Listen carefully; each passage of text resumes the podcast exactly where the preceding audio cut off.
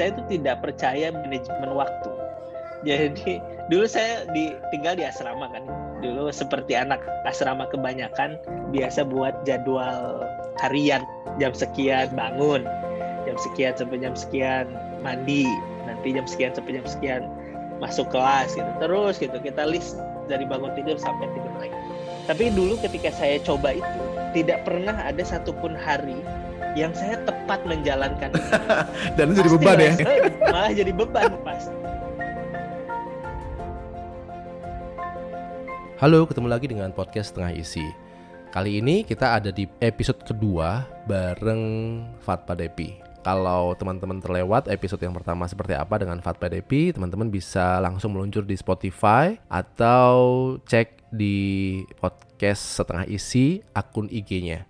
Di situ kita bicara tentang politik, literasi politik, dan bagaimana pandangan Fatpa Depi agar politik kita lebih asik lagi.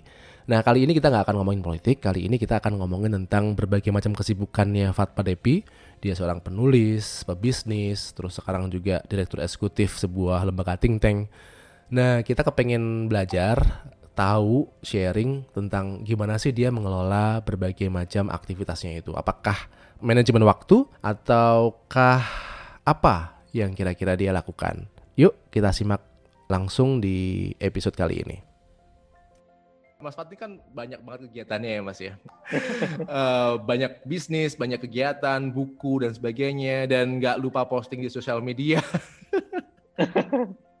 itu gimana sih Mas Fat? Kan katanya antara produktif dan sibuk itu berbeda ya.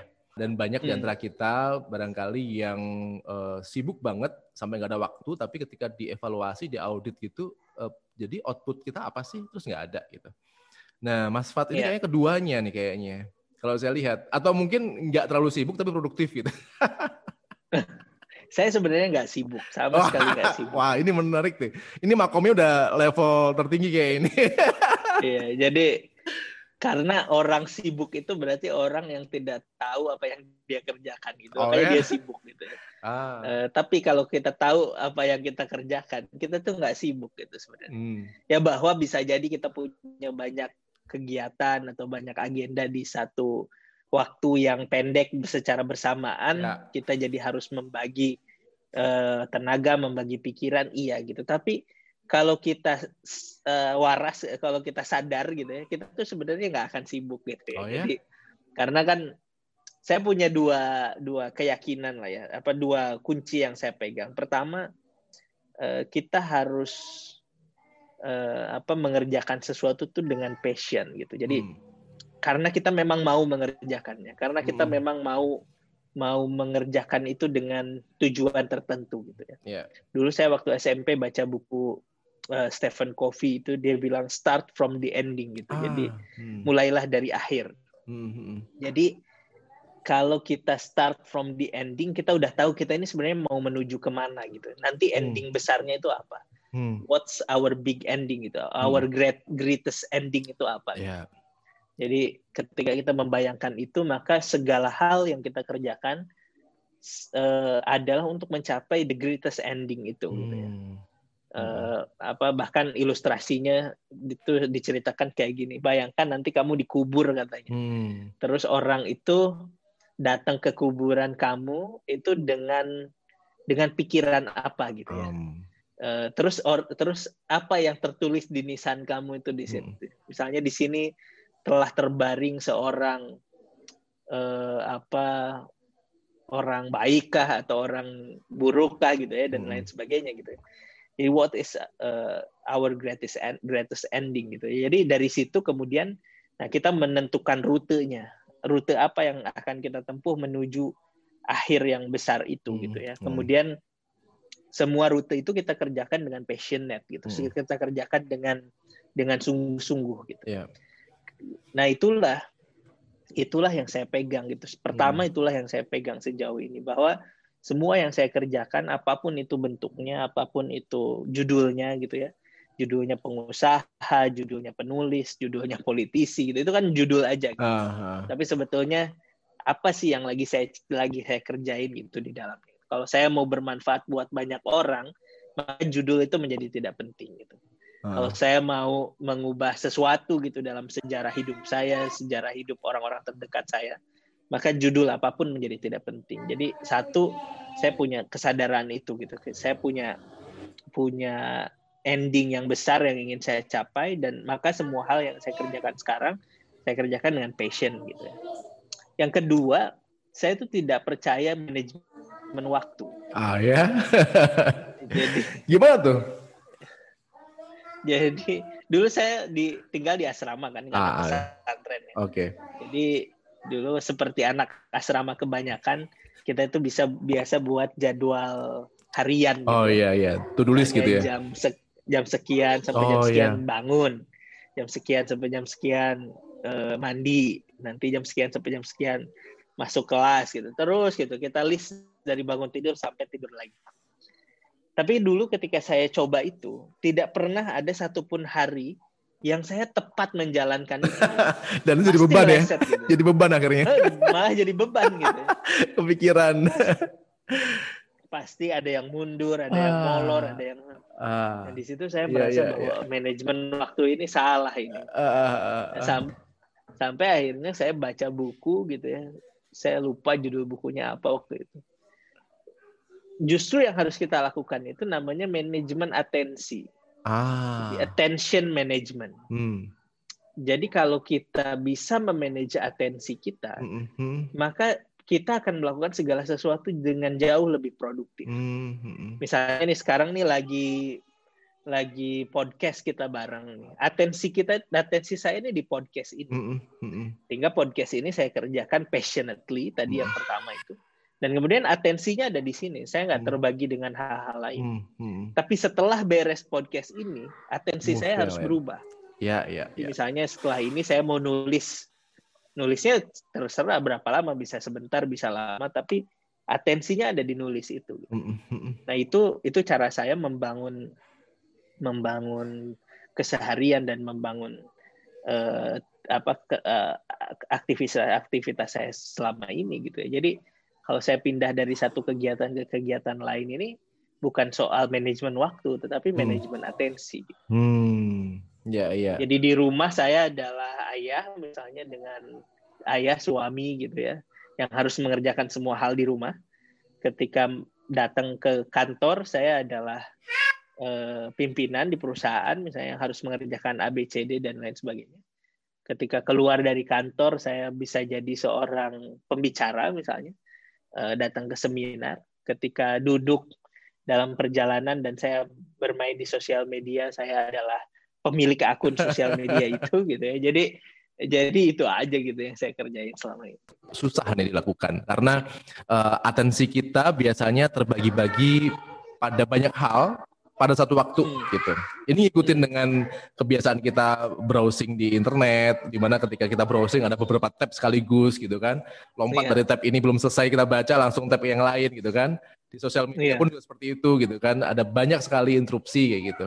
Berarti Mas Fat dengan manajemen atensi tadi adalah menyelesaikan satu persatu dulu, baru move ke yang lain ya. Nggak berbarengan. Kan biasa nih, uh. apalagi dengan rapat nih uh, WFA atau mungkin meeting, kita sering kali nih di ada Zoom ada beberapa tab gitu kan sampai ini macam-macam. Iya, ada riset yang bilang bahwa multitasking itu tidak pernah berhasil ha. sebetulnya. Hmm. Jadi tingkat keberhasilan dari multitasking itu di bawah 0, eh, di bawah 30 persen. Hmm. Bahkan mungkin hanya ya 20 atau belasan persen. Hmm. Jadi sebetulnya ah, tapi apakah multitasking itu tidak boleh dilakukan? Enggak. Saya melakukan multitasking hanya kalau bobotnya itu uh, tidak setara gitu ya. Hmm, saya nggak bisa misalnya sambil ngetik artikel sambil zoom gitu. Itu bobotnya terlalu sama. gitu.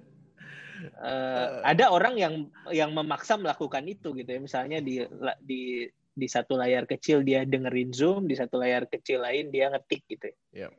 Menurut saya dan dalam pengalaman saya itu nggak akan berhasil karena itu bobotnya tuh sama gitu. Hmm. Tapi kalau misalnya kita sambil jalan, sambil berperjalanan, sambil misalnya apalagi kalau misalnya kita uh, disupirin gitu ya sambil nulis, nah itu bisa karena bobotnya beda. Atau misalnya sambil nyetir, sambil dengerin podcast, artinya sambil belajar gitu ya. itu juga bisa karena bobotnya berbeda gitu. Mm -mm.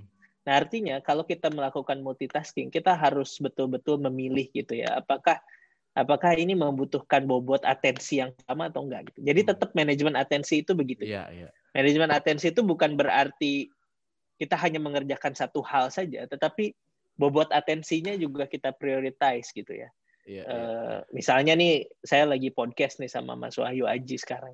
Menurut saya ini membutuhkan atensi tertentu yeah. gitu karena karena ya banyak banyak pertimbangan gitu ya. Saya karena respect uh, satu sama lain misalnya karena saya juga seneng gitu dengan temanya karena saya juga senang ngobrolin ini gitu. Ini butuh satu atensi.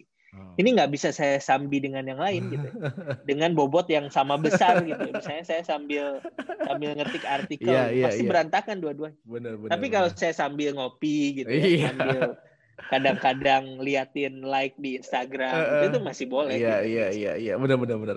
Iya itu juga saya lagi baca buku uh, ini mas dari Cal Newport uh, mungkin pernah baca juga deep hmm. work namanya deep work jadi yeah. uh, persis banget tadi uh, kalau tadi manajemen atensi uh, dia hmm. tuh bilang gini hmm. jadi ketika kita multitasking yang kata Mas Fat nggak berhasil tadi itu memang benar juga kata dia juga gitu gitu jadi multitasking itu biasanya adalah ketika kita ngerjain A B C D gitu ya dalam waktu yang sangat dekat hmm. uh, biasanya ketika dari A ke B itu ada uh, reduksi perhatian jadi ketika kita iya. pindah ke B, sebenarnya kita masih mikirin yang A gitu. Kalau ini belum belum tuntas iya, nih iya. gitu.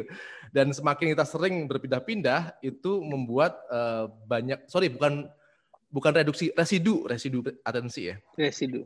Jadi banyakkan residu gitu. Jadi akhirnya hmm. uh, waktu kita di satu jam itu semua residu akhirnya nggak ada yang bagus. Iya. iya. ini bener banget. Iya karena memang yang paling penting itu tadi atensi ya ketika kita mengerjakan ini walaupun cuma lima menit fokus gitu. Tapi hasilnya berbeda kalau misalnya kita uh, berusaha melakukannya dengan setengah jam tapi empat hal sekaligus gitu ya. Menarik menarik. Mm -hmm. jadi iya. kalau bicara Mas Fat nih kasusnya Mas. Iya. Kalau Mas Fat apa nih yang menjadi rutinitas? Apa apa ada atau memang tidak termasuk yang punya rutinitas? Selain rutinitas agama ya kalau misalnya agama sholat dan itu kan udah wajib lah gitu iya, iya, iya. Saya itu cuman mewajibkan diri saya tidur cukup itu aja. Hmm. Jadi dan saya alhamdulillah orang yang tidur itu cepet gitu ya. Misalnya ah. eh, apa? Saya mau tidur gitu terus tidur. Tapi harus cukup gitu. Saya nggak eh, apa ya? Kalau misalnya kurang tuh saya cari penggantinya gitu. Hmm. Kan ada hari-hari di mana misalnya saya hanya bisa tidur tiga jam gitu. Hmm. Hmm. Nah, itu saya akan cara saya akan cari cara untuk dapat penggantinya gitu. Hmm. Apakah misalnya di perjalanan saya juga tidur hmm. gitu. Kemudian uh, juga misalnya nanti ada hari lain di mana saya tidur lebih lama gitu, bermalas-malasan lebih lama gitu. Hmm. Tapi saya merasa bahwa uh, saya harus cukup tidur gitu. Hmm. Apa iya, itu iya. intinya itu itu saya aja gitu. Jadi kalau misalnya kayak gini nih waktu-waktu Ramadan gini kan, ini tidurnya uh, ya kita bisa ber, biasa berkurang gitu. Nanti saya akan cari waktu lain gitu, untuk apa untuk bisa mencuri sedikit-sedikit gitu ya. Uh, apa uh, power nap gitu ya, misalnya di jalan atau apa gitu. Jadi kalau saya sih uh, membuat saya tidur itu penting gitu. Hmm. Jadi dan saya merasa kurang produktif mengerjakan sesuatu di tengah malam gitu ya. Oh, hmm. uh, justru saya nggak nggak apa ya, mungkin nggak membiasakan itu aja gitu. Kan ada yang misalnya penulis atau kreator hmm. lain gitu ya merasa bahwa malam itu uh, apa waktu paling baik buat dia mendapatkan inspirasi kan siang tidur jadi hidupnya berantakan gitu ya. Iya, jadi iya, nggak iya. bisa cari duit gitu ya. Iya, iya. Uh, apa maksudnya? Ya, malam nulis gitu ya Benar. sampai jam 4 gitu untuk menghasilkan uh, satu karya masterpiece gitu uh. tapi sepagian sampai sore tidur gitu ya tagihan listrik nggak bisa dibayar gitu ya ini bedanya Jangan kalau gitu juga Mas Fat kan penulis juga banyak aktivitas lain yang juga nggak kalah pentingnya masalahnya tapi itu kan dibangun dari mentalitas ya, ya. gitu bagaimana cara kita cara kita men-set waktu terbaik diri kita ya, gitu ya. ya Nah ya, nanti ya. apalagi kalau misalnya saya saya nulis tuh udah nggak terasa udah mungkin 21 tahun gitu ya, ya saya ya. menulis gitu ya. uh, dari sejak pertama menerbitkan buku gitu. Artinya sebagai penulis saya bukan baru nggak baru mulai tahun lalu atau dua yeah, tahun yeah. lalu gitu yeah, Yeah. Dan setiap tahun saya berusaha punya satu buku lah minimal gitu ya. Artinya saya penulis yang konsisten gitu sebagai hmm. penulis. Tapi saya nggak setuju tuh sama apa pendapat banyak penulis lain misalnya di mana mereka merasa bahwa nulis tuh harus dini hari, nulis tuh harus tengah malam, harus ditentukan oleh waktu tertentu, oh, mood iya, tertentu. Iya, iya, iya. Harusnya kita bisa nulis kapan aja gitu. Iya, iya, iya. Tapi memang benar ya. Jadi poinnya adalah kita nggak bisa nyamain dengan standar orang lain gitu. Kalau orang lain biasanya malam iya. ya mungkin buat yang bersangkutan kita kalau niru-niruin malah kesiksa jangan-jangan. Iya. Dan bisa nggak bisa nggak dapat kerjaan. Nggak dapat kerjaan. Tapi terus terang uh, jawaban bahwa rutinitasnya adalah tidur itu di luar ekspektasi saya sih. Energi saya harus ya. maksimal ketika saya berkegiatan gitu. Dan itu hanya bisa saya dapatkan kalau saya ini sehat gitu ya. ya sehat ya. tuh termasuk juga nggak kurang tidur betul, gitu. Betul, Ya sehat tuh kita exercise, ya, ya. makan uh, cukup gitu benar, ya. Benar. Termasuk tidur cukup gitu. Betul, betul. Banyak uh, ya banyak orang yang menyepelekan tidur gitu. Padahal menurut saya tidur itu penting. Gitu. Iya, iya. Benar, setuju Mas Fat. Ya ini buat ngingetin saya juga sih sebenarnya. Saya juga merasa sering kayak gitu. Kalau misalnya kurang tidur, justru malah nggak fresh, ide-ide nggak keluar, dan itu malah mengancam banyak hal yang lain gitu. Oke, oke. Terima kasih udah diingetin Mas Fat. Oke, Mas Fat. Cukup panjang juga ini ya. Kita jadi dua episode. Tadi soal literasi politik, dan yang kedua ini soal tentang produktivitas beda dengan kesibukan. Oke, okay, barangkali ada yang pengen di-highlight oleh Mas Fat, uh, tapi mungkin belum tertanyakan atau apa pun lah, bebas sebagai uh, penutup untuk kesempatan kali ini. Mudah-mudahan kita selalu bersilaturahmi, Mas. Yang pasti saya akan mengikuti karya-karya Mas Fat berikutnya dan mudah-mudahan juga Mas Fat juga sempat melihat apa yang saya perbuat. iya dong. saya follower setia udah lama GNFI uh, itu.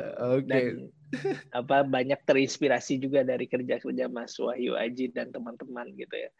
Saya percaya seperti ya misalnya apa yang dilakukan GNFI itu kan sebetulnya bercerita dengan cara yang lain gitu ya.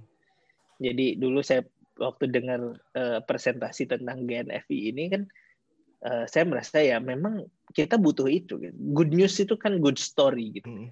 Jadi dan teman-teman GNFT sudah membuktikan bahwa story itu bukan tentang story itu bukan hanya bukan hanya tuturan gitu ya, yeah, bukan yeah. hanya cerita itu bukan hanya tuturan tapi gambar yang yeah. menginspirasi kita, tindakan yang menginspirasi, kemudian juga ya, ya good apa pun lah, good news itu everything gitu ya. Yeah. Bisa video, bisa foto, bisa bisa tulisan, bisa apa pun gitu. Ya. Nah, saya juga saya juga sedang melakukan itu gitu. Buat saya cerita juga everything is a story and story is everything gitu ya. Jadi ah. uh, apa segala hal adalah cerita dan cerita itu bisa segala hal juga gitu ya. Hmm. Jadi cerita itu bahkan ada seorang penulis yang menulis buku yang cukup keren menurut saya judulnya Homo narans gitu ya. Homo narans. Jadi selain Homo sapiens, Homo hmm uh, erectus kita uh, ini gitu. Kita juga adalah homo narans, makhluk cerita. Ah. Jadi yang membedakan kita dengan makhluk lain, binatang, tumbuhan itu adalah kemampuan kita bercerita. Ya, ya. Cerita itu kan uh, apa cerita itu produk kognitif yang paling kompleks gitu. Hmm. Karena dia mengandung memori, dia mengandung imajinasi tentang masa depan. Hmm. Jadi kalau kita baca uh, Noah Harari itu uh, hmm. apa dia mengatakan bahwa kelebihan kita sebagai uh, makhluk gitu ya kelebihan kita itu adalah kita punya uh, vivid memory gitu ya uh, punya memori yang tajam gitu tentang masa lalu artinya otak kita itu mampu merekam apa yang sudah terjadi di masa lalu hmm. bahkan jauh gitu dan juga kita punya uh, apa punya kemampuan untuk mengimajinasikan masa depan hmm. kita mengekstrapolasi hal-hal yang sudah terjadi di masa lalu, kemudian pengalaman kita di masa kini, yeah. dan kita membayangkan masa depan itu seperti apa. Mm. Nah itu itulah yang membedakan kemampuan kognitif manusia dengan dengan makhluk lain gitu. Maka mm. dari sana kita menemukan sains, kita menemukan banyak hal gitu ya. Mm. Nah tapi kan kalau kita pikir-pikir, sebetulnya kemampuan kita merangkai masa, eh, kemampuan kita merekam masa lalu dan membayangkan masa depan, itulah cerita. Gitu. Hmm. Itulah cerita. Maka sebetulnya semua hal yang kita kerjakan ada itu dibangun oleh dibangun oleh kesadaran itu. Hmm. Misalnya kenapa sih abis nikah itu orang berpikir pengen bangun rumah? hmm. atau pengen beli rumah itu kan dia itu karena dia mengimajinasikan masa depannya gitu maka hmm. ada tindakannya tindakannya KPR beli hmm. rumah dan lain sebagainya kenapa orang setelah lulus SMA nyari-nyari perguruan tinggi karena dia membayangkan yeah. masa depan ah.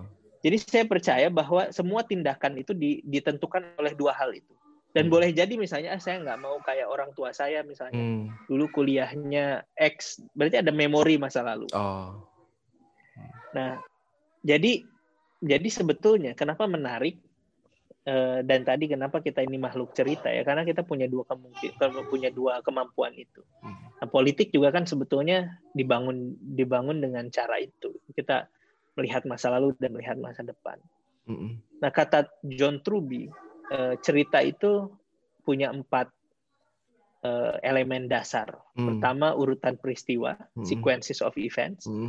Artinya masa lalu dan masa depan tuh kita kita urutkan gitu ya mm. apa dulu kemudian apa dan lalu nanti apa gitu sequences of events mm.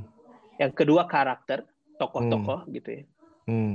yang ketiga itu time being konteks mm. ruang dan waktu kita ada di mana kapan uh, kemudian tempatnya apa dan yang keempat logical causality atau uh, konsekuensi sebab akibat mm jadi selama kita bisa membaca dunia ini dengan empat hal itu, maka segalanya adalah cerita.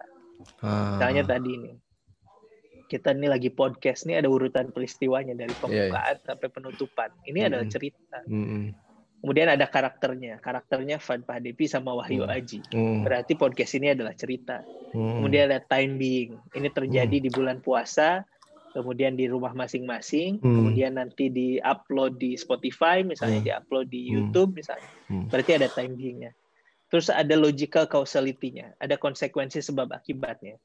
Ini terjadi karena kita pernah bertemu di satu hmm. forum, hmm. karena kita saling follow gitu ya. hmm. ya. Terus nanti ini akan didengar sama follower saya, sama follower Mas Wahyu Aji. Jadi we are storyteller gitu dalam yeah. hal ini gitu. Nah sama, kalau cara berpikir itu kita terapkan kepada hal lain, maka everything is a story. Yeah. Kita berkeluarga, kita membangun cerita sebenarnya. Kita digerakkan oleh memori tentang masa lalu dan imajinasi tentang masa depan. Kita bangun urutan peristiwanya. Nikah, kemudian nanti punya rumah, beli mobil, punya anak pertama, eh, dapat kerjaan pertama, hmm. kemudian nanti naik haji dan lain hmm. sebagainya itu urutan peristiwa. Hmm aktor-aktornya kita libatkan ada hmm. kita pasangan mertua orang tua dengan semua dinamikanya yeah. dan ada time beingnya berapa tahun pernikahan hmm. lima tahun hmm. pertama sepuluh tahun pertama 25 tahun pertama dan seterusnya kemudian ada logical causality-nya gitu semuanya begitu pasti begitu nah makanya saya saya memutuskan bahwa yang saya lakukan ini bercerita gitu saya ini storyteller gitu jadi ah uh, tinggal episodenya tuh episode apa gitu ya. Ini misalnya waktu remaja saya episode Adam dan Hawa misalnya. waktu apa waktu mencari Tuhan episode Ibrahim. Waktu berpolitik misalnya masuk ke dalam politik sebagai newbie episode Daud ya, gitu ya. Ya, ya, ya. Uh, mau masuk uh, apa mau melawan satu kelompok tertentu episode apa? Ya sebenarnya episode-episode apa? Iya iya iya. Kayaknya menarik ya kalau semua kayak gitu. Terima kasih udah dikasih empat elemen tadi. Saya udah pernah denger sih itu karena uh, waktu Mas Fat awal-awal pandemi itu kan bikin apa ya uh, kelas-kelas ya Mas Fat ya. Iya iya iya. Apa tuh ya? Pokoknya uh, Mas Fat Mei menginspirasi. Ya, memang menginspirasi itu sebagai peserta. Jadi aku memang dengerin uh, nyimak gitu kan dan cukup banyak terinspirasi sih dan terprovokasi juga karena hmm. apa Mas Fat mengingatkan semua orang pencerita dan semua orang punya potensi menjadi penulis gitu dan uh, saya jadi kepengen memulai lagi karena saya dulunya sedang menulis dan pas saya ikut itu saya ngecek lagi tulisan saya ternyata banyak banget di berbagai media online, Kaskus, Kompasiana dan waktu itu wow. uh, rame gitu dan iya, iya. kenapa saya berhenti ya gitu dan hmm. salah satu yang membuat saya ingin memulai lagi adalah kelas itu mas terima kasih banyak tuh hmm, siap siap Oke Mas Wat, terima kasih banyak. Mudah-mudahan makin bermanfaat dan berdampak apa pun yang dilakukannya. Uh, sehat untuk kita semua karena pandemi belum selesai ya. Pertempuran belum selesai melawan COVID nih. Pertempuran belum selesai. Jadi ya. mudah-mudahan selalu waspada dan bisa mengingatkan uh, sekitar kita untuk waspada juga. Terima kasih Mas Fat. Saya tutup. Terima kasih Mas. Selamat malam. Wassalamualaikum ya, warahmatullahi wabarakatuh. Sampai jumpa. Waalaikumsalam warahmatullahi wabarakatuh. Nah, gimana mendapatkan sesuatu dari episode kali ini bareng Fat PDP? Seperti saya, mudah-mudahan teman-teman pun juga mendapatkan sesuatu yang bermakna. Apa pun itu. Kalau saya sendiri, saya jadi diingatkan kembali bahwa antara sibuk dan produktif itu beda banget. Kadang-kadang kita kelihatan sibuk banget sampai kita nggak ada waktu buat ngapa-ngapain yang lain, nggak ada waktu buat keluarga, buat me time. Tapi ternyata setelah kita cek nggak produktif-produktif amat, terbukti dengan output kita nggak banyak-banyak juga gitu. Jadi barangkali itulah sibuk. Sedangkan produktif itu beda banget. Mudah-mudahan kita semua menjadi pribadi yang produktif, pribadi yang bisa memberikan makna terhadap apa pun yang dilakukan dan seperti biasanya apabila episode ini dirasa bermanfaat, kami akan sangat berterima kasih ketika anda teman-teman semuanya sudi untuk membagikan, merekomendasikan podcast ini ke teman-teman yang lainnya biar manfaatnya nggak berhenti Oke, sampai jumpa di perbincangan-perbincangan selanjutnya dengan berbagai macam topik teman-teman kita semuanya dan sampai ketemu. Jaga kesehatan selalu. Salam.